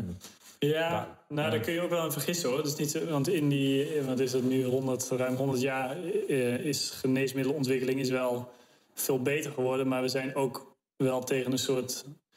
eh, het, in het begin werden er heel veel middelen ontwikkeld die, die echt hielpen. Maar dat was ook omdat er gewoon eh, nog heel veel ziektes waren om te behandelen. En nu zijn de ziektes die er over zijn, die zijn heel ingewikkeld. Dus die begrijpen we niet goed. Dus het is niet zo makkelijk meer om, om middelen eh, te ontwikkelen daarvoor. Dus het is niet zo dat, die, dat, dat we met 100 jaar dat we, dat we oneindig veel eh, betere geneesmiddelen hebben ontwikkeld. Maar ja, dus er zijn vast betere gedesignde middelen dan, dan eh, in de Eerste Wereldoorlog. Ehm, maar ik, ik, ik weet niet of er, of er op dit moment dingen zijn waarvan we niet afweten die, eh, weet ik veel, in het Amerikaanse leger eh, ja, allemaal... eh, zoveel waarschijnlijk. dingen, dat eh, zou kunnen, maar we weten het niet. Ja. Ja, oké. Ja, ja. Maar ja, misschien heb je ook helemaal niet meer een leger nodig als je straks allemaal drones tegen elkaar. Dat is, dat is wel een vechten. beetje nu, hè? Ja, Dat gebeurt eigenlijk al. Zeker door Amerika. Psychologische oorlog. Dus- En Ja, ik denk dat dat, is veel simpeler eh, dan proberen je, je, je leger van mensen eh, sterker te maken, zodat ze be- beter kunnen vechten. Ja, ja, goed. Ja. Ik denk ook eh, tegenwoordig wat een leger doet, is natuurlijk ook helemaal niet met kracht vechten. Dat is gewoon heel veel geweren. En, Ja, ook gebieden controleren en zo. ja, dus ik vraag me af of je met geneesmiddelen of de huidige. In de Eerste Wereldoorlog was het natuurlijk gewoon man tegen man in de loopgraven. Eh, en wie, ja, je moet gewoon elkaar afmaken. En als je niet die andere doodmaakt, dan maakt hij jou dood. Dus dan, dan kan ik me voorstellen dat geneesmiddelen nog een effect zouden hebben. Maar tegenwoordig is het zoveel. eh, zoveel robotica en tactiek en weet ik veel allemaal. En helikopters en eh, straaljets. ik weet niet of je dan, als, je- als je dan een leger hebt, dat het een beetje sterker is. Of dat nou Als je een straaljager in ieder geval niet lijkt. Nee. Dan, eh, Dan Ja, heb je nou, wel allemaal hele sterke mannetjes op de grond Ja. die, die eh, gebombardeerd worden. Ja, Ja, ja. er zijn ook grotere doelwitten dan. nou ja, dus dit is misschien een nadeel. Ja. Ja. Ja. Ik vind het ook wel grappig dat je, of interessant dat je zegt geneesmiddelen. Want ik zie het echt heel erg als doping, zoiets. Eh, nou, niet, niet per se slecht iets, maar ja, dat, dat blijf ik interessant vinden. Dat het dus eigenlijk een geneesmiddel is. Ehm, eh, ik, ik ben eigenlijk benieuwd, is er nog een doping of een anabole steroïde waarvan je zegt... Die, zeg maar, het is, over het algemeen zitten er negatieve effecten Ja. bij, maar die is helemaal gewoon echt dooddoener. Ik dacht zelf dat het human growth hormone was. Ja. Daar heb ik hele gekke verhalen van gehoord. Ja. Maar ik ben benieuwd wat jij daarvan vindt. Eh, ja, ik heb niet, niet zo één middel waarvan ik zeg dat is echt heel eh, raar of gevaarlijk. Maar eh, ik denk dat wat mensen, waarom jij dat misschien dat gevoel ook hebt, zo'n human growth hormone, dat klinkt al als iets wat hele, hele sikke effecten heeft. Dus ik kan me voorstellen dat mensen daarvan het idee hebben van wow, dat klinkt echt heftig. Eh, maar eigenlijk al die hormonen die als doping worden gebruikt, die ook al in een gezond lichaam worden geproduceerd, die zijn er natuurlijk niet voor niks. Die, middelen, die dingen die zitten in je lichaam omdat ze een functie hebben. Dus als je dat dan gaat inspuiten terwijl je gewoon gezond bent en al goede levels daarvan hebt, dan ga je gewoon in, in een systeem zitten rommelen waarvan je eigenlijk geen idee hebt wat je dan zit te doen. Dus, dus voor al die middelen Ja. denk ik, het is, voor sommigen weten we inmiddels dat het, dat het bij patiënten dat het wel ehm, acceptabele bijwerking heeft. Maar zelfs van EPO weten we als je patiënten met eh, bloedarmoede behandelt met EPO, dan gaan hun rode bloedcellen weer omhoog. Eh, dus dan voelen ze zich echt een stuk beter. Dat is, dat is heel duidelijk eh, een positief effect. Maar als je ze nog meer EPO geeft en je probeert hun rode bloedcellen op het niveau te krijgen van een gezond iemand. Dus eh, het aantal rode bloedcellen in je bloed is ongeveer voor gezonde mannen 45% van je bloed bestaat uit rode bloedcellen. Die patiënten zitten soms op 20% of zo, dat is echt extreem weinig. Ja. Als je ze dan naar 30% weer duwt, 35%, dan voelen ze zich een stuk beter, maar ze zijn nog steeds niet gezond, want ze hebben daar nog steeds last van. Als je dan probeert te duwen naar 45%, dat kan met EPO, als je gewoon genoeg EPO geeft. Maar dan zien we dat op hele grote groepen dat de eh, hoeveelheid mensen die dan eh herseninfarct krijgen, of andere hele dodelijke bijwerkingen, die gaat dan omhoog. Het zijn nog steeds niet heel veel mensen, maar het is wel duidelijk meer dan de placebo-groep. Echt? Dus ja, het is niet zo simpel om dan te zeggen... die persoon heeft geen EPO meer, omdat zijn nieren kapot zijn. Daardoor heeft hij minder rode bloedcellen, dus ik geef nu gewoon weer EPO... spuit ik bij Oh, totdat zijn rode bloedcellen weer normaal zijn. Eh, en dan is het weer oké. Zo simpel werkt het blijkbaar niet. Want als je dat doet, dan gaan die mensen dus sneller dood. En dat is natuurlijk met al die middelen, eh growth hormone heeft ook een, een bepaalde functie. Dus als je dat Ja. nu gaat bijgeven, ja, dan kan, eh, nou ja, er zijn verhalen dat het dan bijvoorbeeld eh, kanker zou kunnen versnellen. Omdat dat factoren zijn die betrokken zijn bij celgroei. Nou, het is met name gebeurd. En dan zag ik op een gegeven moment dat de bodybuilders werden heel groot van anabole steroïden. Dus anabol, trambolien, verschillende soorten. Maar op het moment dat ze human growth hormone doen, Ja, dan werd hun hoofd ook groter. Dan werd hun, kreeg ze op een gegeven moment zo'n bubble gut, wordt dat genoemd. ja, Echt zo'n opgeblazen buik. En dat was, had je ook niet in de bodybuilding tijd van Arnold Schwarzenegger. Ja. Dat is echt pas van de laatste 20 jaar of 30 jaar Ja. volgens mij. En wat ik heb begrepen worden dan ook die organen groter. Dus het hart wordt groter. En Ja, ik, dat het klinkt als heel, veel, uh, als heel veel verhalen waarvan ik denk dat er heel veel niet van bewezen is. Want dat gaat natuurlijk ook. Dat soort verhalen gaan ook uh, zingen op het moment dat mensen van alles gebruiken in het geheim. En dan, nou wat jij net zegt, van uh, eerst hadden ze niet die buik en op een gegeven moment hadden ze die wel de buik. En, die, en dat viel ongeveer samen met dat goede hormoon werd gebruikt. -huh. Dat dus, zijn allemaal wel gevaarlijke aannames. zeker in het geneesmiddelonderzoek zijn we heel um, voorzichtig met dat soort dingen. Want, Juist. want dat is precies weer zoiets van een oorzaak en een gevolg aan elkaar koppelen. Van, het zou kunnen dat het zo is. Ik zeg niet dat het niet zo is. Maar um, ja, dat is, het kan ook heel goed zijn dat het wat anders is geweest. We kunnen het niet zeker zeggen. Het kunnen nee. confounders zijn. Ja, of misschien heeft het helemaal niks met uh, goede hormoon te maken. Maar gingen bodybuilders vanaf die tijd gingen ze opeens andere soort sit-ups doen, weet ik veel. En dat zorgt voor zo'n buik. Dat, je weet het gewoon niet. Dus de enige manier om erachter te komen is een goed gecontroleerd onderzoek. Uh, maar uh, ja, dit soort middelen zijn allemaal, zou ik zeggen, uh, zeker niet zonder risico's om te gebruiken. Dus het, dat is allemaal gevaarlijk potentieel. En wat helemaal eng is, is dat die jongens dat allemaal, en meisjes, dat ze dat soms ook gewoon allemaal door elkaar gaan gebruiken. dus, een cocktail van maken. Ja, en dus van één zo'n middel weten we eigenlijk al niet goed wat het doet bij een gezond iemand. Maar laat staan al die dingen bij elkaar. Is totaal. Als er een dokter is die zegt dat hij weet wat het effect daarvan is, die, die, uh, die liegt. Uh, dus je had op een gegeven moment uh, um, een wielrenner, Michael Rasmussen, van de Rabobank ploeg, Nederlandse ploeg. Die ging bijna de Tour de France winnen. en de dag volgens mij een dag of twee dagen voor het einde van de Tour. Toen stond hij zo ver voor dat hij eigenlijk sowieso ging winnen. Toen werd hij door zijn ploeg uit de ronde gehaald... omdat hij um, had gelogen over bepaalde uh, dopingcontroles uh, in dat jaar. Uh, en Hoe dat kan je liegen dan? Ja, je, kan dus, je moet aangeven waar je bent op, op een bepaald moment... zodat dopingcontroleurs kunnen uh, aankloppen zonder okay. dat je weet dat ze komen. Oh, ja, ja. En hij had gezegd dat hij, uh, ik weet het niet meer precies, hij had gezegd dat hij in Mexico zat. En toen, uh, toen vertelde iemand dat hij hem precies in dat tijdstip had hij hem in Italië gezien. Ja, juist. Okay. Dus toen bleek dat hij had gelogen. Nou ja. En achteraf heeft hij dus bekend dat hij in die periode inderdaad doping gebruikte en dat hij had gelogen omdat hij niet gecontroleerd wilde worden. En toen vertelde hij op tv in een interview wat hij allemaal gebruikte. En nou, je moet dat filmpje misschien eens op YouTube kijken waar hij dat doet. Maar dan noemt hij gewoon een waslijst van dingen op die hij gebruikte. Dus dat was EPO, cortisone, uh, testosteron, groeihormoon. Van alles door elkaar. Uh, ja, nou ja, hij leeft nog. En dus het, is, het was blijkbaar niet zo gevaarlijk dat je er uh, acuut van doodgaat. Maar ik zou dat toch niet... ik zou dat toch echt niet een hand voor in het vuur durven steken dat er niet iets eh, bij hem ook uh, de lange termijn. op de lange termijn mis zal gaan, omdat hij allemaal dit soort rare dingen inspoot.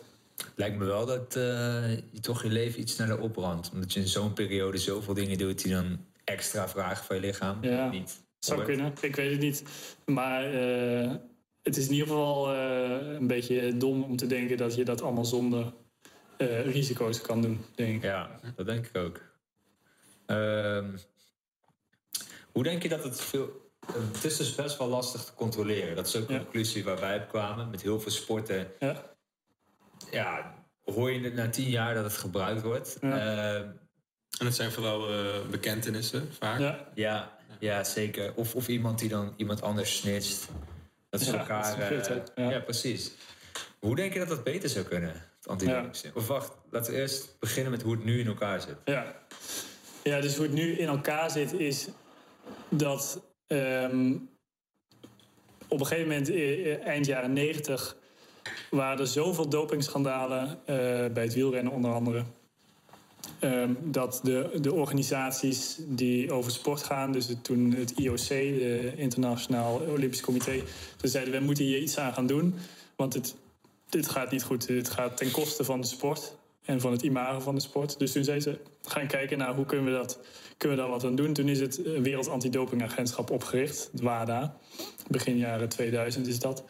En die hebben een bepaalde richting ingezet. Ze zeiden, oké, okay, we gaan gewoon een oorlog voeren tegen doping. Dus mm -hmm. daarom ook, als we het nu hebben over doping... dan heeft iedereen het idee, ja, dat is heel slecht. Al die sporters die zijn leugenaars, als ze dat gebruiken, dan ben je Ja. in en in slecht. En dat komt voor een deel door die campagne die, die de WADA heeft gevoerd om het idee te geven dat het is heel slecht. Ik zeg niet dat, dat, dat het niet zo is, maar in ieder geval in de jaren tachtig gebruikten ook heel veel sporters doping. En toen was dat de normaalste zaak van de wereld. Was dat oké? Oh, oké. Dus we vinden dat nu niet meer oké. ja. Eh, en omdat dat zo is, hebben ze gezegd... we moeten alles op alles zetten om dat tegen te gaan. Dus sporters die, eh, die we betrappen... dus dat kan zijn omdat je EPO in je koelkast bewaart... ehm, eh, of omdat je inderdaad bekend... of omdat iemand anders je verlinkt... die gaan we keihard straffen... zodat met een hoge straf mensen het misschien niet gaan doen... Nou, dat blijkt al snel dat dat niet werkt, want ze blijven het toch doen. En dat heeft natuurlijk vooral te maken met of je die straf ook kan opleggen, omdat je ze betrapt. En dat kan alleen maar als je mensen kan, eh, kan eh, controleren op doping. Dus toen zijn ze ook begonnen met dopingtesten te ontwikkelen. En dat moet natuurlijk in een laboratorium moeten gaan kijken hoe kunnen we dat doen. En de meeste dopingvormen die worden gecontroleerd door eh, urine op te vangen. En tegenwoordig ook steeds meer in bloed. En dan wordt het gewoon door een analyseapparaat gegooid. En dan kijk je of daar bepaalde middelen in zitten. Dus op de dopinglijst staan ongeveer 400 middelen. Dus een enorme hoeveelheid middelen. En als je, eh, als je dus een controle doet, dan kunnen ze zeggen... we willen al die middelen bijvoorbeeld controleren nu. Of we doen een set van middelen, omdat we denken dat die verdacht wordt van een bepaald soort Dure doping test eigenlijk. is ontzettend duur. Ehm, en eh, dat wordt, dus, wordt dan gedaan. En als je dan een positieve test hebt, dan, dan alleen als je dat kan bewijzen, dan mag iemand vervolgd worden. En dan kan het dus zijn dat hij een straf krijgt. En dat is meestal twee jaar schorsing of vier jaar schorsing. En als je de tweede keer betrapt wordt in je carrière, dan heb je een levenslange schorsing. Maar ja, dat staat of valt natuurlijk bij hoe goed die test is. En Ja. die test, die, eh, eh, dat, is, dat is heel moeilijk, blijkt. Dus zelfs voor middelen die we kennen, eh, als dopingmiddelen, bestaan daar soms nog geen testen... of zijn de testen niet geweldig. Dus als voorbeeld bijvoorbeeld voor EPO... Dat begint al met het probleem dat EPO dus in je lichaam sowieso al aanwezig is. Dus Ja. als ik ga testen bij jou of je Oh, EPO zo. hebt, dan is dat positief. Ja. Dat zegt niks Ja. over of je hebben doping niet gebruikt. Nee. werken. Ja, ja. Dus, dus dat is moeilijk. Maar Gaat om een bepaalde verhouding dan? Of een ja, dus het, die, de EPO die, die we als geneesmiddel gebruiken, die wordt op een bepaalde manier ontwikkeld. Waarbij er ja, een bepaalde signature aan zit. uh-huh. Dat het net iets anders maakt dan je gewone EPO. Maar Juist. dat is heel moeilijk te zien. Dus in zo'n test, Uh-huh. wat ze proberen te doen, is die twee te onderscheiden. En als je dan een, eh, als je dan een analyse doet, dan is, eh, is de, eh, de EPO van jezelf, die, die geeft net op een andere plek een, een, een, een signaal dan de EPO die je eventueel hebt ingespoten. Ehm, dus dat, dat is inmiddels gelukt dat we dat kunnen doen. Maar dat is al een hele moeilijke techniek. Dus het is niet zomaar te zeggen dat als je EPO spuit dat ik dat ga vinden. Op die manier. En zeker niet omdat ik niet weet wanneer je dat hebt ingespoten. Dus als jij nu EPO inspuit, dan zit dat een paar dagen in je lichaam. Het ligt wat voor middel het is, maar sommige gaan heel snel in je lichaam. Dus dan, nou, dat hebben we ook onderzocht in, eh, in, in eh, sporters om te kijken als we EPO geven. ehm, en we gaan meten of het in de urine nog aantoonbaar is bij een dopinglab. Dan zien we dat bij de mensen die EPO gebruiken, dat ongeveer tussen de eh, twee dagen en de zes dagen na het doseren, dan detecteer je bijna iedereen. Dus als ik een spuit zet, dan ben ik twee tot zes, eh, twee tot zes dagen ben ik, eh, ben ik zeg maar hot. Dan moet ik niet getest worden. Maar na die zes dagen dan gaat het al heel snel omlaag. Dus dan wordt na tien dagen wordt bijna niemand meer positief getest. Mm. Nou, als je dan bedenkt dat sporters, een gewone gemiddelde sporter, die wordt misschien één of een paar keer per jaar getest.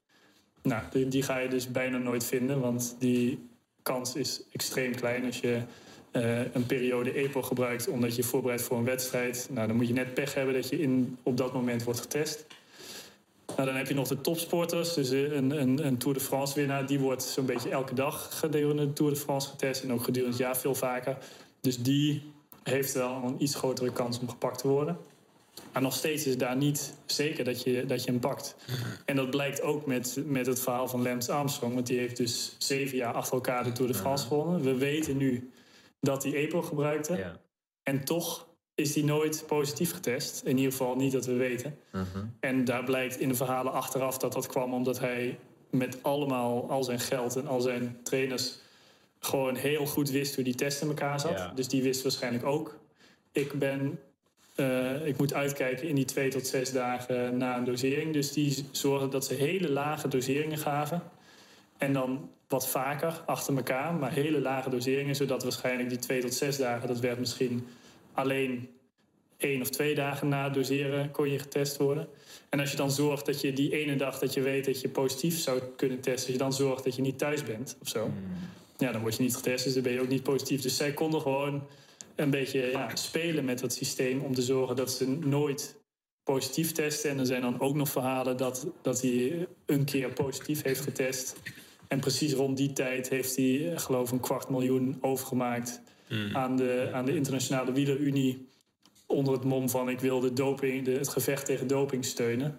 Ehm, dus dat, dat is niet bewezen dat hij, dat hij iemand heeft omgekocht. Maar daar lijkt het wel sterk op dat dat is gebeurd. Zo.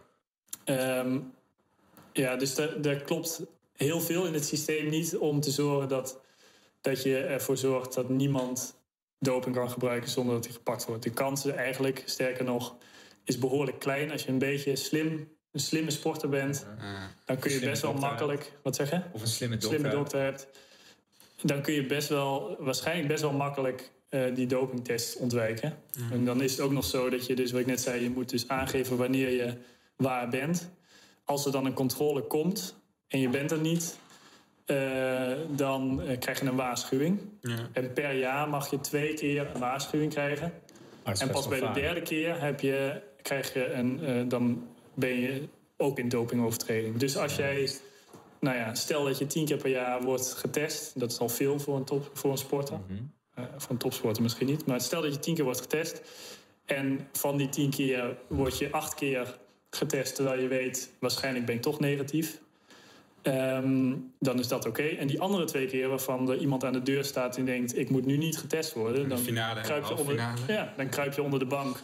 Doe je alsof je niet thuis bent. En dan krijg je een waarschuwing. En dat mag je twee keer doen. Dus eh, ja, het is, ik denk dat dat testsysteem is gewoon niet goed genoeg. Het, het werkt tot op zekere hoogte, maar het is niet goed genoeg om ervoor te zorgen dat niemand doping kan gebruiken. Het wordt wel steeds beter, omdat we nu bijvoorbeeld ook een bloedpaspoort bijhouden. Dat betekent dat al die topsporters eh, elke zoveel tijd een bloedsample moeten inleveren. En dan gaan we niet alleen, dan kijken we niet meer naar zit er in het bloed doping, maar we kijken naar allerlei markers in het bloed. Dus bijvoorbeeld je rode bloedcellen eh, en je eh testosteronlevels en zo. Dus als je dan in het bloed ziet van nou dat blijft allemaal netjes constant, dan is dat, is dat oké, dat is waarschijnlijk normaal. En als je ziet dat er bij iemand een enorme piek zit en dan weer een dal en dan weer een piek, dan denk je ja, dat, dat is niet hoe een normaal lichaam functioneert. Dus waarschijnlijk wordt er gerommeld. En dan kun je op basis daarvan kun je iemand al een dopingovertreding eh, geven. Of je kunt eh, zeggen, als het niet sterk genoeg bewijst, kun je zeggen: Ik denk dat hij EPO gebruikt, bijvoorbeeld, of eh, testosteron. Ehm, dus ik ga specifiek dopingtesten inplannen voor deze persoon. Om te zorgen dat ik hem ga vangen. Want normaal gesproken moet je dus maar geluk hebben dat je hem net test wanneer die positief wordt. Maar als je nu in het paspoort ziet van hé, hey, er gebeurt hier iets raars. Als ik hem nu in de komende week test, dan heb ik een grotere kans dat ik hem vind. Dan heb je alweer meer kans om iemand te pakken. Dus die combinatie, die, Hoe lang is dat al? Dat, dat, ze dat de- bl- bloedpaspoort. eh, ik denk nu een jaar of tien, zoiets. En welke sporten wordt het gebruikt? Ehm, ik weet niet precies of dat alle sporten zijn, weet ik niet helemaal zeker. Maar ik weet in ieder geval dat het in heel veel sporten gewoon is geïmplementeerd, net als de gewone dopingtest, zeg maar. maar dat is ook, nou dat- heeft weer ergens anders mee te maken. Dus het is niet zo dat elke sport evenveel getest wordt. Dus bij wielrennen wordt er heel veel getest. Ja. Maar bij ehm, sommige andere sporten wordt heel weinig getest. Het kost ook heel veel geld voor zo'n eh, kost ontzettend bond. veel geld. Ja. Ja. Ja. want het, eh, dus dat is ook nog raar. Er is dat bijvoorbeeld de Nederlandse dopingautoriteit... die mag testen uitvoeren. Uh-huh. Ehm, maar die krijgen geen geld van een sportbond... of ook geen geld van reclameinkomsten of whatever. Dus het geld wat, wat de Nederlandse dopingautoriteit krijgt... wat ze moeten gebruiken onder andere voor dopingtesten... dat komt vanuit eh, de overheid. Oké. En de overheid Oh. heeft, dat, eh, heeft een potje geld voor. eh, eh, dat komt via die eh, staatsloterij en zo. Hè. De- de- de- Ah, dat, een deel van dat geld wat mensen uitgeven aan de staatslot, dat gaat Oké. Juist. bijvoorbeeld naar dit soort dingen. Dus dat, dat betekent dat het geld van de overheid komt. Dat is natuurlijk altijd relatief weinig. Zeker in vergelijking met. Zelfs Een dus afhankelijk van hoeveel mensen eigenlijk aan het gokken zijn. Nou, dat is niet helemaal waar. Maar er komt altijd wel een vast bedrag. zo- Maar het is wel heel weinig. Zeker in Ja. vergelijking met zo'n topsporter die een contract heeft waar die 15 miljoen per jaar verdient. Ja. Ja, die Ja, lacht, ja, lacht ja. gewoon zo'n dopingautoriteit uit. Ja. Dus ze moeten zo'n Makkelijker om te kopen. Ja, Ja, ik, wou net zeggen, het speelt zo erg fout in de hand. Ja. Ik denk zelf ook dat ehm, die testen zijn dus niet helemaal goed. Eh, wat ik ook heb begrepen is dat middelen best wel snel kunnen worden upgedate. Terwijl een test dan heel moeilijk zo'n klein verschil in een Ja. stofje herkent. Ja, dat zou kunnen. Ehm, maar het is niet, is niet per se het meest waarschijnlijk. Dus er zijn inderdaad middelen waar nog geen test voor is. Mhm. Er zijn ook middelen waar wel een test voor is. En dan zou je inderdaad kunnen, eh, net weer een ander soort middel kunnen hebben wat erop lijkt. Wat misschien Ja. niet door die test gevangen wordt. Dat kan. Dat is wel alweer een stuk onwaarschijnlijker met dat bloedpaspoort. Want het bloedpaspoort dat kijkt niet naar het middel zelf. Ja. Maar dat kijkt naar het effect van het middel op je bloedwaardes. ja. Dus dat is alweer veel onwaarschijnlijker. Dus als je een middel hebt wat een effect heeft op je rode bloedcellen, maakt niet uit wat voor middel, Mhm. dan is het heel waarschijnlijk dat we dat zien in het bloedpaspoort. En dat als je een nou stuk eh, een middel hebt waarmee je bloed eh, continu wordt verhoogd eigenlijk, waardoor het niet Ja. schommelt, maar gewoon een middel een heel klein beetje van neemt elke dag, dan Dat kan je dat ook niet vangen, denk ik. Nee, dus dat is ook moeilijk. Dus je zou ook, in theorie zou je ervoor kunnen zorgen dat eh, talentvolle sporters, voordat ze in het dopingprogramma komen, dus dat ze nog junior zijn, Uh, als je ze vanaf dat moment continu met doping behandelt. En dan gaan ze in het bloedpaspoort. Dan zou je in theorie kunnen Juist. hebben dat de eerste metingen van het bloedpaspoort, waarvan dan de dopingautoriteit denkt: dit is de normaalwaarde voor die persoon, dat dat eigenlijk al dopingwaarden zijn. Dus dat zou Juist, kunnen, ja. maar dat is wel. Dan moet je en één heel goed georganiseerd zijn als, eh, als sporter en als, als arts. En dan moet je heel vroeg beginnen, maar ook als twee dan moet je wel heel goed begrijpen hoe dat precies allemaal werkt. Want dan moet je de doseringen zo constant houden, dat is nog niet zo makkelijk. Ja, je hebt de groei. Maar denk je niet- Ja. jong. Dus het is, is, niet zo, is niet zo simpel. Maar in theorie zou dat kunnen, ja. Maar ik denk eigenlijk wel dat dat bij zeg maar, de supertalenten wel zou gebeuren. ja Als- ik weet niet. Bijvoorbeeld, eh, Ja, nou, die heeft bijvoorbeeld goede mode genomen en dat vonden we allemaal normaal. Omdat hij dan een ziekte Ja, heeft gehad, eh, of, of een stoornis. Maar ik zou denken dat als inderdaad een heel groot voetbaltalent zit bij Barcelona... en ik denk zelf dat bij die topclubs dat wel Ja. gebeurt, bij voetbal.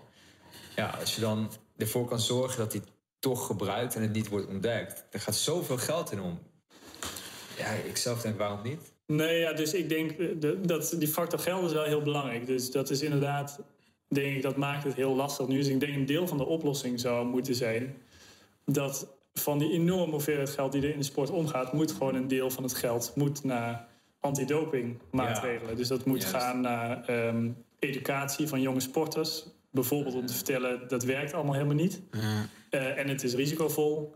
En je hebt een grote kans dat je gepakt wordt. Het moet ga- gaan naar dopingtests. Het moet gaan naar personeel bij al die dopingverenigingen. Het moet naar, dat, dat is in ieder geval nodig. Want nu heb je inderdaad sporters en clubs die miljarden te besteden hebben.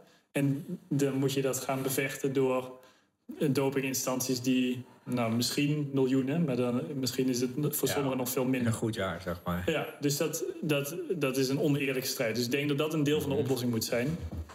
Eh, zeker als je ziet hoeveel geld erin omgaat. Er kan best wel een deel van dat bedrag kan...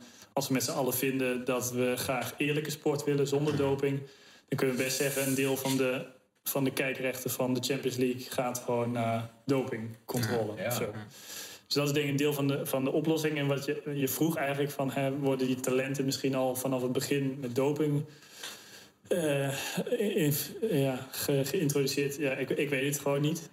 Ehm, en, en gegeven dat, dat het heel veel bij allerlei sporten wordt gebruikt... zou het zomaar kunnen. Maar dan denk ik ook weer ehm, bij voetbal bijvoorbeeld... Als je, hoeveel zin heeft dat nou? Als je, stel dat je een beetje meer kracht hebt... of een beetje meer... eh, Uithoudingsvermogen. eh, uithoudingsvermogen. Ja. Al is er geen enkel middel waarvan bewezen is dat het uithoudingsvermogen verbetert. Dat is ook wel interessant. ja, ga je dan echt, uh, wordt Messi dan opeens, uh, of tenminste wordt dan iemand die, uh, noem een, noem een middelmatige voetballer, wordt dat dan opeens een Messi? Ik denk ja, dat Messi, ik Ja, bijvoorbeeld, uh, dat, dat is denk ik echt wel een voorbeeld dat voetbalfans in ieder geval heel erg is opgevallen. Ja. Er zit een speler bij Bayern München. Uh, die heeft dan zes jaar bij Schalke gevoetbald. Ook een best grote club in Duitsland. Dat was toen altijd heel erg... Nou, een best wel slanke jongen, gewoon vrij skinny. Ja. En um, heeft hij één jaar bij Bayern gevoetbald. Dat is nog steeds zo. Ja. En uh, nu sinds de lockdown eigenlijk... is hij dan begonnen met een nieuw trainingsregime en zo. Dat, zo noemen ze het dan. En als je nou een foto van hem ziet, dan, dan is het opeens zijn oudere broer, zeg maar. Ja, Veel meer testosteron in zijn lichaam heeft, heeft een mooie baard gekregen. Veel bredere kaaklijn. Ja. Uh, en dat is in een half jaar gebeurd. Ja.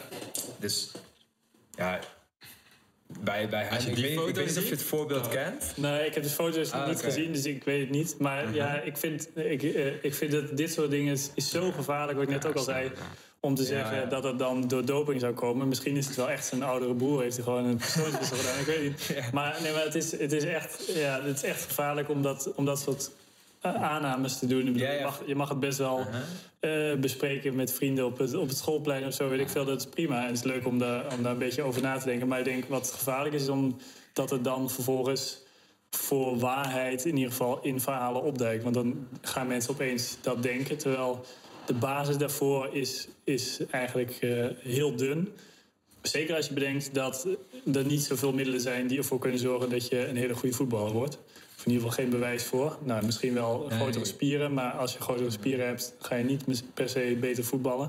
Maar je kan net wel even wat sterker in ieder wel zijn. Ja, toch je bent, ook, zijn, je bent dus, ook trager waarschijnlijk als, als startsnelheid. Ik denk als je grotere beenspieren hebt. Dan ja, nou ja. Net, zoals Usain Bolt bijvoorbeeld is ook wel... Uh, ja, die wilde, die ja, maar die wilde heel graag bij Manchester voetballen. En dat is hem ook nog niet gelukt. Dus dat is niet een heel goed voorbeeld volgens mij voor jouw punt. Nee, nou, nou voor het voetballen niet. Maar zeg maar, hij is heel erg breed.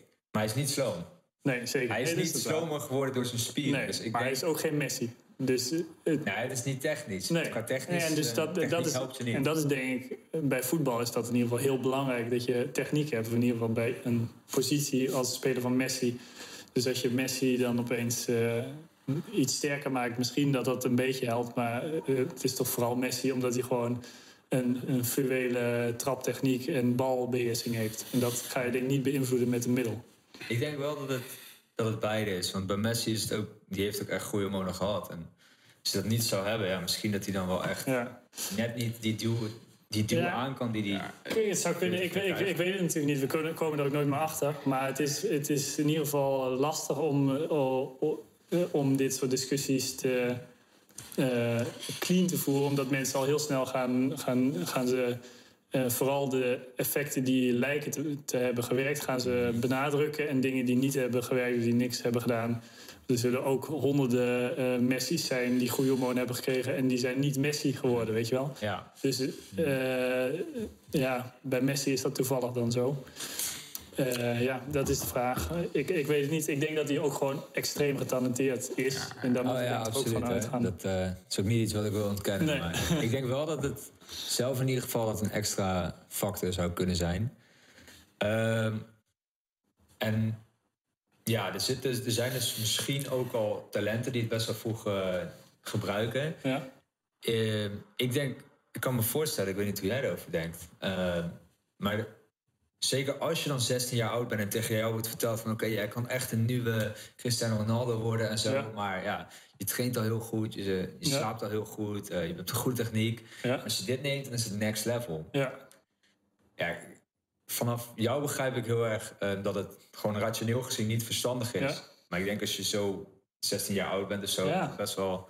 Ja, natuurlijk. Dus je moet ook niet... Die, die, dus daarom zei ik net ook, dat geld, er moet meer geld naar zo'n antidoping systeem om te zorgen dat je die, zelfs die jonge jongens en meisjes kunt uh, informeren over, over dit soort onderwerpen. Mm -hmm. Maar uh, zelfs als je dat doet, dan zijn er nog steeds mensen die, die denken: ja, uh, ik neem toch die, die kans, want ik, ik, ik wil Cristiano Ronaldo zijn.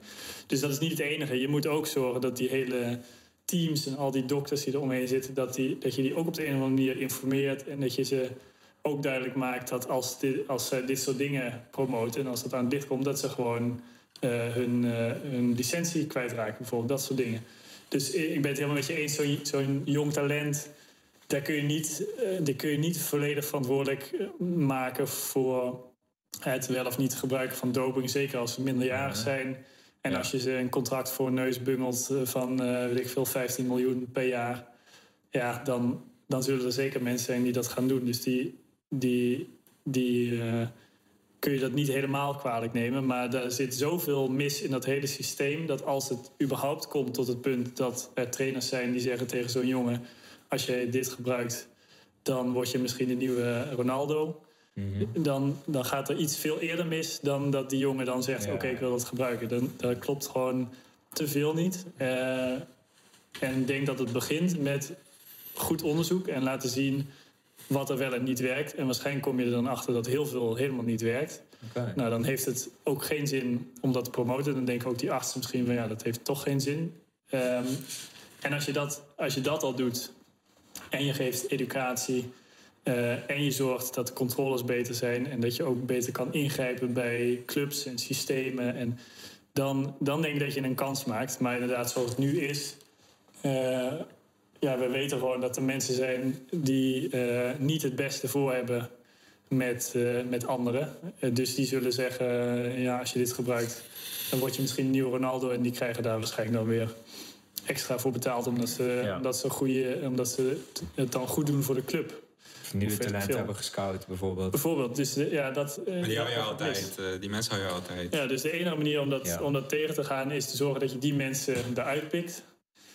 En zoveel mogelijk basis legt voor mensen om te geloven dat het, dat het allemaal niet zoveel zin heeft. Nou ja, er zijn dus middelen waarvan je dan moet zeggen die zijn wel effectief. Dus bijvoorbeeld anabolen, uh, die werken op kracht. Dus ja, dat zal, dat zal in de bodybuildwereld en in de krachtwereld zal dat altijd een probleem blijven. Dus voor die middelen moet je dan zorgen dat je super detectiemethode hebt.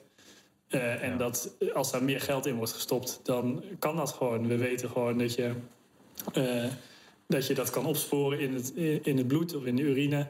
Uh, als je maar vaak genoeg samplet, als je maar vaak genoeg iemand uh, een plasje laat doen, dan ga je dat zien. Um, maar ja, als je vervolgens zo weinig geld hebt dat je maar vier keer per jaar kan meten, ja, dan ja. ga je het niet zien. Ja, dus daar zit eigenlijk het grootste. Ik denk dat daar een heel belangrijke factor zit die, die het nu problematisch maakt. En het lijkt nu wat minder erg, dat dopingverhaal. Dat was in de jaren 90 en begin jaren 2000 was het vreselijk en overal doping. En nu heb je het gevoel misschien dat het minder is, maar ja. misschien is dat niet zo. En komen we er over tien jaar achter. Ja. En dan uh, denk ik dat dat komt omdat we gewoon toch niet goed genoeg op orde hebben.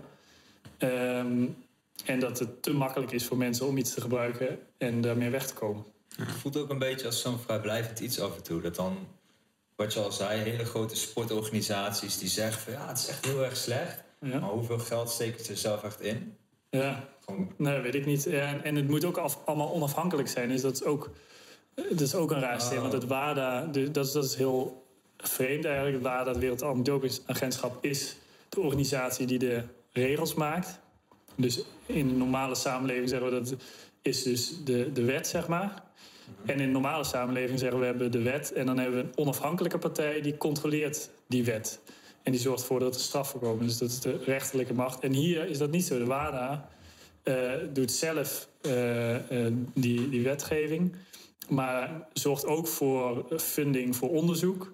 En uh, draagt ook bij aan die, aan die rechtszaken. Dan zijn er wel sportinstituten die rechtszaken voeren. Maar dat is allemaal, loopt allemaal door elkaar. Dus ik denk dat daar, bij al die dingen moet gewoon goed gekeken worden naar hoe is dat georganiseerd. Waar komt het geld vandaan? Is dat onafhankelijk? Uh, en dat soort dingen. En dan, dan kom je denk ik uh, tot een ander systeem dan wat er nu is. En hopelijk daarmee een beter systeem. Ja. Uh, wat, wat beter functioneert. Uh -huh. En denk je ook dat het daar wel naartoe gaat? Of? Um, ik weet het niet. Ja, de, eigenlijk het, het raar is natuurlijk dat de sporters hebben daar uiteindelijk het, het meeste in te zeggen. Ah. Als, bedoel, als, als, niemand sport, dan is er geen reden om doping te doen en ook geen yeah. doping te controleren. Dus als die, de sporters die eerlijk sporten, en hopelijk zijn dat, dat, is dat de meerderheid, Hoeveel denk je dat het er zijn? Ja, dat weet je niet. Dat weet je. Nee, maar ik, Nee, ja, ik, ik, ik, misschien? nee, ik heb echt geen idee. Ik denk dat het heel erg per sport verschilt. Oké. Ehm, maar eh, nee, ik, ik weet het niet. Maar als die sporters, als die, als die het gevoel hebben: oké, ik, ik wil graag eerlijk sporten en ik wil een zo eerlijk mogelijk kans hebben om te, om te kunnen winnen. Dan wil ik dus ook dat de mensen die doping gebruiken, dat die gepakt worden. En op dit moment zijn er dus heel veel sporters die zeggen: Ik vind het acceptabel dat ik elke dag moet aangeven waar ik ben in, in een tijdperiode van een uur of zo, zodat ik gecontroleerd word. Dat is best wel een heftige Ja. privacy ja, eigenlijk wel. inbreuk, want je moet dat elke dag doen. Eh, en dan als je per ongeluk in dat uur naar de Albert Heijn was en er wordt- komt iemand langs, dan ben je dus lul. Ja, dat is ook... Kan je ook wel lang boodschappen doen hoor. Ja, dat is waar. dat is waar. Maar goed, dus, dus dat is vrij heftig, maar dat vinden ze Uh-huh. blijkbaar oké om het eerlijk te maken. Dus als die sporters nou zeggen, jongens, eh, we, we, we willen best meewerken aan een goed dopingsysteem, maar dan moet het Ja. anders georganiseerd worden. Ja. Ik denk als ze met z'n allen een vuist zouden kunnen maken, en dat begint langzaam wel een beetje te ontstaan. Ik denk dat daar de, het begin zou liggen. Dus als je, zegt, als je vraagt van denk je dat het er komt, op dit moment is het nog niet genoeg momentum en niet genoeg eh, organisatie om dat voor elkaar te krijgen. En dat is ook lastig omdat al die sporters in allemaal verschillende eh, afdelingen en verschillende eh, sporten zitten. Dus die gaan niet zo makkelijk verzamelen. Maar je ziet nu wel langzaam ontstaan dat er van die sportorganisaties ontstaan voor de sporters die de sporters vertegenwoordigen. En als je dat denk ik op eh, internationaal niveau krijgt, met verschillende sportbonden, dan kunnen ze misschien een, een vuist maken tegen zo'n enorm systeem. En dan zou je het ook kunnen. Als zij zeggen, we willen gewoon van die kijkrechten. Want dat is, zijn gewoon, is gewoon geld wat betaald wordt, zodat ze naar mij kunnen kijken om te sporten. Ik wil gewoon dat van dat geld, dat dat 20% moet naar doping, antidoping ja. ehm, dingen. Als zij dat zeggen, ik denk uiteindelijk moet, je, moet daar een uitkomst komen die beter is dan dat het nu is. Maar als ze niet georganiseerd zijn, ja, dan kan zo'n eh, kan zo'n bond die dat geld vangt, die kan doen wat ze willen met dat geld. Ja. Gaat nog wel even duren. Dus Ik, dat ik ben wel. bang van wel, ja. Zie je ook eh, sporten die er wel een beetje voorlopend in zijn? Waarvan je denkt, oké, daar gaat het wel gewoon zoals het zou moeten gaan. Of, Ja, ik weet niet of het zo, zo moet gaan, maar het lijkt wel alsof het wielrennen wel vooruit loopt. En dat komt waarschijnlijk ook omdat die het diepste dal hebben gehad. ja. Omdat op een gegeven moment de vraag was of wielrennen nog wel kon bestaan. Omdat blijkbaar iedereen doping gebruikte. Dus was letterlijk eh, in eind jaren 90 was gewoon bijna het hele peloton was gedrogeerd. Eh, en dan kan ik me ook wel voorstellen dat mensen zeggen... ja, waar zit ik dan naar te kijken? Ah, ja. Ik denk dat ik naar een spannende wedstrijd kijk... maar eigenlijk zijn het allemaal soort eh, eh, ehm, farmacologische drugs eh, Ja. die daar zitten te fietsen. Op, dat, wordt, dat wordt vaak gezegd. Maar aan de andere kant denk ik ook, zeker bij een sport als wielrennen... Ja. Ja, is het erg als die mensen zelf het risico weten, zeg maar? Die mensen Ja. weten van, ja, ik ga er misschien eerder dood aan en, eh, of het heeft geen effect. Bijvoorbeeld bij eh, vechtsport, Ja. daar worden dan eh, doping gebruikt of anabole steroïden. Dan vind ik het iets heftiger, omdat het echt om... Ja, dat gaat gewoon wel om vechten. Het kan ook om leven en dood gaan. Als het net even misgaat. Dat je de andere sporten verwondt, bedoel je? Ja, precies. En met American football misschien ook, omdat het een vrij ruige sport is. Bij wielrennen denk ik van, ja, als het er sneller van gaat... Ja, nou ja, dat zou, dat zou je kunnen zeggen. Dus dat, dat is best een discussie die, die, die gevoerd kan worden. Ik, op dit moment ben ik, zit ik in de positie dat ik denk dat dat niet verstandig is. Ehm, voor deel omdat je ergens eh, wil je regels bij. Want ik bedoel, dit, sport is überhaupt iets wat we hebben verzonnen. Hè? Dus eh, Ja. het is gewoon. We, we, we bedenken iets en dan moet iemand dat het snelst of het beste doen. Maar je kan veel sneller eh, door Frankrijk rijden als je met de trein of met de auto gaat. Dus eh, bedoel, we zeggen er moeten bepaalde regels zijn bij zo'n sport. En bij die regels hoort bij voetbal buitenspel en bij andere dingen. andere- En, en een van de dingen waarvan we vinden dat het ook niet mag, is als je jezelf inspuit of slikt met dingen met geneesmiddelen. We kunnen ook zeggen dat vinden we niet meer een regel van de sport. Dat kan.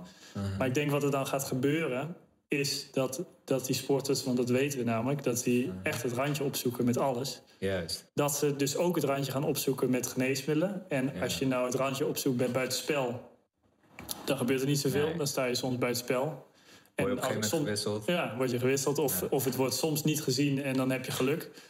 Maar dat is niet zo'n risico. Maar als je het randje gaat opzoeken met geneesmiddelen, dan is dat dus wel een risico. Word je gewisseld voor het leven. Ja, precies. Nou, dat vind ik heel mooi. nee, dat kan. Dus, dus, die, dus daar, daar zit het risico, denk ik. En als je alle feiten zou hebben en precies wist wat de effecten waren en bij welke dosis dat wel en niet is. ehm, en iedereen zou dat weten en er zouden allemaal capabele mensen omheen zitten. Dan zou je dat misschien kunnen verdedigen. Want dan weet iedereen van als ik deze dosering gebruik, dan ga ik sneller. En heb ik nog niet zoveel bijwerkingen. Als ik deze dosis gebruik, dan ga ik niet meer sneller en heb ik wel risico op, op problemen. Als dat zo zou zijn, dan zou het misschien ook nog te verdedigen zijn. Maar die, de wereld die bestaat niet en die gaat ook niet komen, want we weten het gewoon niet goed genoeg. En, en daarbij zitten er geen capabele mensen omheen. In ieder geval heel veel incapabele mensen die dit niet weten. Dus die gaan dan toch denken, ja, als ik nog... Want het is nu iedereen gebruikt zoveel EPO. Ik ga toch mijn sporten ga ik net een beetje meer geven. Ja. Want misschien doet hij dan toch beter. En dan eh, valt hij, valt hij dan op dat moment dood neer. Dus ik denk dat dat een ongecontroleerde race wordt. eh, met zoveel mogelijk doping. En dat wordt daardoor weer heel gevaarlijk. Plus, als je het vrijgeeft en iedereen gebruikt net zoveel EPO en cortison en testosteron. Ja, misschien maakt het dan ook weer niks uit. Want dan heeft iedereen net zoveel gebruikt. Ja. Dus dan kun je misschien beter het verbieden en eh, naar dezelfde wedstrijd zitten kijken die misschien een beetje langzamer is. Stel dat het Ja, werkt. eh, dat, Maar dan zonder de risico's van al die, al die geneesmiddelen. dat het dan, eh, ik denk het argument voor, wat ik zelf ook best wel, ja, waar ik wel wat in kan vinden, is dat je dan het playing field meer levelt, dus dat het gelijker zou worden.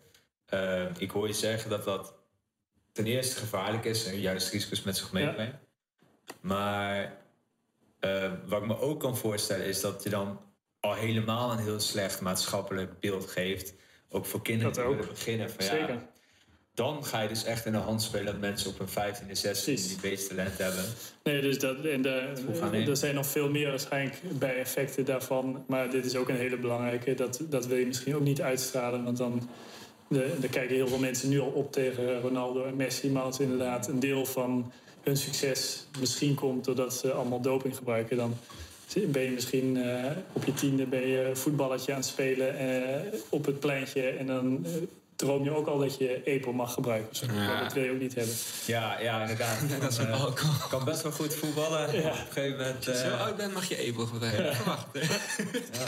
Ja. ja, dat zou je wel krijgen inderdaad. Ook bij amateurverenigingen. Ja, dus dat is, dat, ik denk dat het niet de route is die, we, die je wil volgen. En wat jij zegt, is de, de, de principle is dat je een level playing field wil krijgen. Dus dat kan inderdaad door het allemaal vrij te geven. Ja. Maar dat kan ook door gewoon het dopingsysteem beter op orde te hebben. Ik denk dat dat... Dat is dat echt goed. ja, en dat, misschien is dat nooit volledig voor elkaar te krijgen. Maar ik denk dat we in ieder geval een betere poging kunnen doen dan dat we nu doen. Ja. Ehm, en als je, ja, als dat uiteindelijk blijkt niet te werken, dan moeten we misschien iets anders verzinnen. Maar ik denk dat het vrijgeven dat dat op dit moment ook echt niet de route is. Nou, daar ben ik het ook wel mee eens hoor. Ik ben het daar wel meer mee eens. Jij? Ja, nou dat. eh, ehm, ik weet niet, ik vind je argument kan ik wel, vind ik wel sterk, kan ik wel even komen. Het is gewoon te onveilig. Maar ik denk bij, bij de topsport, zeg maar, als je Ja? bij, bij bijvoorbeeld voetbal zou legaliseren, ja, ik denk het wordt nu toch door, door die topclubs, zeg maar, 90% van de spelers gebruiken, denk ik. En ik denk ook dat als Ronaldo bijvoorbeeld morgen zou eh, betrapt worden, ja, dat is zo'n verlies voor FIFA en voor voetbal. Dat, dan verliezen gewoon voetbal aan zich, zeg Ja. maar, de hele entertainmentbranche verliest misschien 100 miljoen per jaar. Ik denk niet dat ze zich wat kunnen veroorloven. Ik denk dat ze dan, dan wel even die resultaten Nee, ja, precies. Nou, dat is natuurlijk het enge van het hele systeem. Dat, ze, dat, je, dat je zo afhankelijk bent geworden van, van topspelers, dat het dus ook. eh, er is gewoon een incentive, een reden om proberen misschien vals te spelen. En, Ja. en je weet ook nog dat als je vals speelt, dat je misschien wel beschermd wordt door de organisaties die dat moeten controleren. Dus dat, daar moeten we voor zorgen dat dat Ja. niet zo in elkaar zit. Er moet een onafhankelijke organisatie zijn, die bijvoorbeeld niet FIFA is, die je dan een miljoen kan toestoppen bij Blatter of eh, al die andere Ja, gasten. Eh, om dan te zeggen, oké, ik heb positief getest, maar het is beter voor ons allemaal als dat niet zo is. Ehm, ja, daar, daar, ik weet niet of dat gebeurt, maar dat moet je in ieder geval zorgen dat dat niet kan. Ja. En want dan zit je ook niet in de positie dat je, dat je het hoeft eh, te beschermen. Want als iedereen in vanuit dat standpunt komt, dan is er dus in principe geen voordeel van doping. Want als je het gebruikt, dan is er een grote kans dat je wordt gepakt. Dus dan bestaat er ook niet zoiets als een Ronaldo die, eh, die je moet beschermen om niet gepakt te worden, want, want die is er niet. Ehm, dus ik denk dat er, ik begrijp wel waar je, je gedachten, mhm. maar dat, dat gaat ervan uit dat het niet mogelijk is om het goed aan banden te leggen, om het goed te controleren. En ik denk als dat, en ik denk dat dat nog niet, eh, dat, dat nog niet, dat we dat nog niet mogen opgeven. Ik denk dat het nog niet goed genoeg is geprobeerd. Ja. De hoopvolle gedachte. Licht dat ik daar negatiever in sta. ja, nou ja, misschien is het ook wel ik bedoel, sport is ook een beetje het beste en het sterkste. Dus misschien dat je sterker en beter kan worden met doping. Maar dan kom we weer terug bij wat ik eerder zei. Is dat is voor heel veel dingen helemaal nog niet aangetoond. Uh, dus dan uh, is maar heel erg de vraag waar we, wat we zijn aan het doen. Dus dan moet je het eerst beter onderzoeken. En dan uh, kunnen we verder praten. Stel zeg maar dat dat, dat gaat lukken. Over wat voor tijdsperiode zou je nadenken wanneer dat er echt is?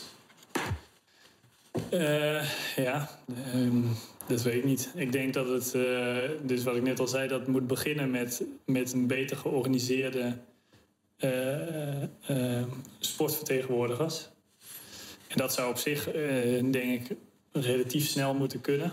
Stel dat je dat in de komende tien jaar doet en die gaan zich hard maken voor zoiets. Dan heb je misschien nog, nog een tijdje nodig om het, om het door te voeren.